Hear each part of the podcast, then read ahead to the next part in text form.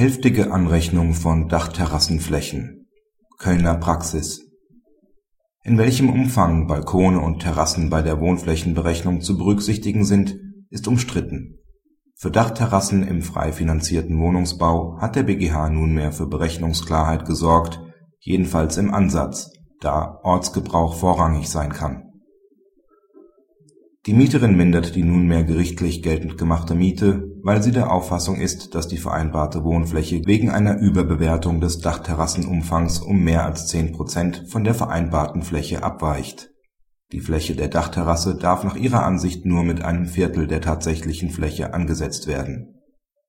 Der BgH vertritt diese Ansicht nicht uneingeschränkt Maßgeblich sind die § 42 fortfolgenden der zweiten Berechnungsverordnung oder § 4 Nr. 4 Wohnflächenverordnung.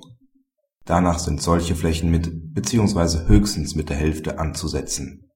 Dies gilt aber nur, wenn die Parteien nicht etwas anderes für die Bemessung vereinbart oder den Begriff der Wohnfläche anderweit definiert haben. Die Bezugnahme auf die Regelungen scheidet ebenfalls aus, wenn eine andere Methode ortsüblich ist oder nach der Art der Wohnung näher liegt.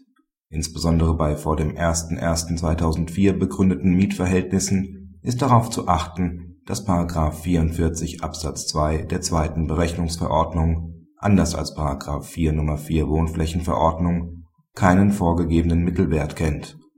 Dem Bauherrn und Vermieter steht daher ein Ermessensspielraum für die Bewertung zur Verfügung. Das Fehlen starrer Vorgaben führt nicht zwingend dazu, dass nunmehr die Wohnfläche zu hoch angesetzt worden ist.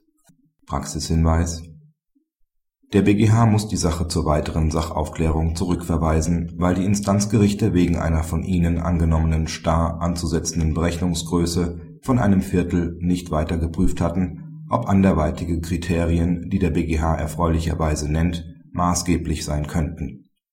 Für Mietverhältnisse, die unter der Geltung der Wohnflächenverordnung begründet worden sind muss bezüglich der Parteivereinbarung Gleiches gelten. Zu achten ist aber auch darauf, dass § 4 Nr. 4 Wohnflächenverordnung nicht starr von dem Ansatz eines Viertels der Fläche ausgeht, sondern durchaus eine Bewertung bis zu deren Hälfte zulässt. Eine Aufklärungspflicht des Vermieters hinsichtlich der Berechnungsmethode besteht freilich nicht. Er geht allerdings das Risiko ein, einen falschen Ansatz gewählt zu haben